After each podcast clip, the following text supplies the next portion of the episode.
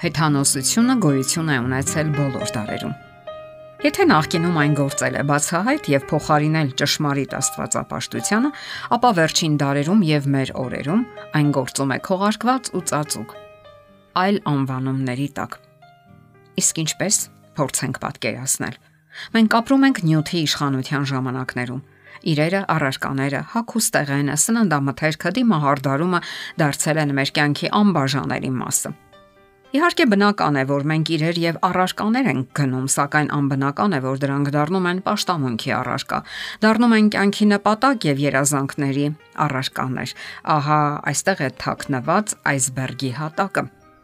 Այսօր մեր կյանքում դեր ունեն այսպես կոչված բրենդները այլ կերպ դրանք կոչվում են ապրանքանիշներ, որոնք արդեն դադարել են միայն ապրանքանիշ լինելուց։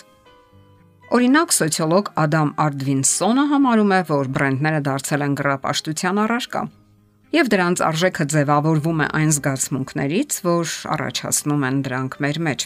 Եվ սոցիոլոգիան հասկանում է բրենդը որպես եղանակ, որով մարդկանց ներառում են այնպիսի համայնքների մեջ, որոնք կիսում են ընդհանուր ապրումներն ու պատկերացումները։ Անդուք մինչև 1950-ական թվականները ապրանքանիշներն ընդհանրապես օգնում էին տարբերակելու մի ապրանքը մյուսից։ Դրանք ճունեին իրենց սեփական կյանքը առանձին այդ ապրանքից Այնուհետև ձեռնարկությունները սկսեցին հաշվի առնել սպառողների տրամադրությունները եւ հոգեբանությունը։ Այսինքն թե ինչ են մտածում նրանք այդ ապրանքանիշի մասին, ինչպիսի զգացմունքներ եւ վարքագծային սովորություններ են ձևավորվում նրանց մոտ այդ ապրանքանիշն օգտագործելիս։ Խիստ տիպական է Մալբորոյի օրինակը հերոստատեսության շնորհիվ ձևավորվեց կովբոյի նշանավոր կերպարը որպես ծխախոտի ապրանքանիշային խորհրդանիշ։ Այդ նշանավոր կովբոյը մարմնավորում է կյանքի ոչ, որը զուգորդվում է ծխախոտի հետ։ Իսկ 1960-ական թվականներից հետո Pepsi եւ Coca-Cola ընկերությունները դադարեցին լինել սովորական արդյունաբերողներ։ Նրանք սկսեցին վաճառել կյանքի ձև եւ ոչ։ Ինչով է վտանգավոր այս ամենը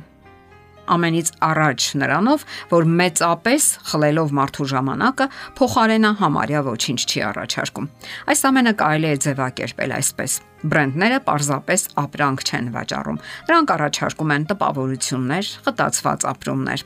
Ապրանքանիշները մեր օրերի սրբությունն են այսպես կոչված։ Եվ այս ամենը նմանվում է մեր օրյա հեթանոսության։ Այնպես ինչպես խաչն է քրիստոնեության մեջ խորհրդանշում մի ամբողջ գաղափարախոսություն եւ կրոն, այնպես էլ բրենդներն են սահմանում կյանքի ոճը, գաղափարախոսությունը եւ անգամ ձգտումներն ու երազանքները։ Այդ նույն ձևով Reebok կամ Nike ֆիրմաները բաների մարզակոշիկները հագնելու ժամանակ մարդն իրեն առանձնահատուկ է զգում։ Երբ դուք նայում եք Rolex ապրանքանիշային ժամացույցներին, տեսնում եք շատ ավելին, քան պարզապես ժամանակը չափող սարքավորումն է։ Դրանք դառնում են հարստության եւ բարեկեցության խորհրդանիշ։ Իսկ արդյոք այս ամենը չի խլում կամ չի ոչնչացնում այն ժամանակը, որը նախատեսված է Աստծո հետ շփման եւ մարդկային փոխհարաբերությունների համար։ Իսկ ինչու է այս ամենը ձևավորվել այսօր։ Մեր օրերի առանձնահատկությունն այն է, որ այսօր մարքեթինգի մասնագետները կարողանում են չափել մարդկային վերաբերմունքն ու կառավարել այն։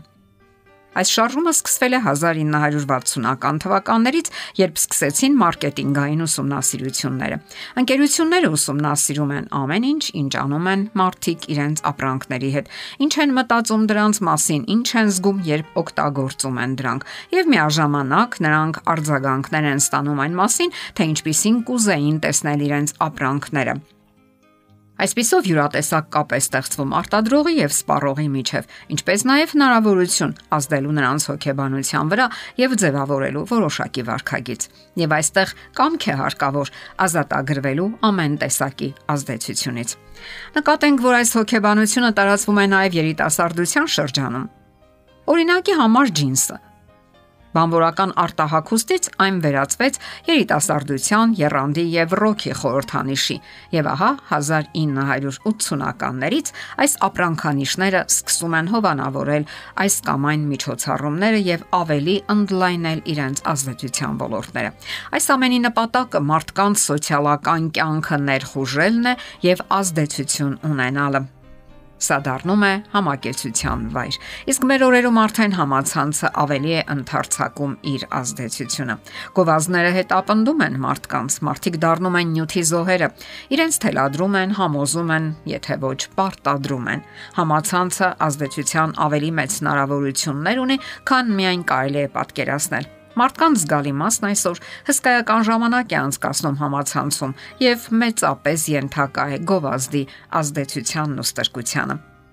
Նկատենք, որ այս ամենն ի վերջո ձևավորում է արժեքներ եւ հոգեբանություն, ձևավորում է կյանքի ոչ եւ եղանակ։ Ահա թե ինչու այսօր ժամանակն է, որ յուրաքանչյուր մարդ մտածի, ինչպես կարելի է պաշտպանվել այդ ամենից, ձևավորել սեփական կյանքն ու սեփական արժեքները։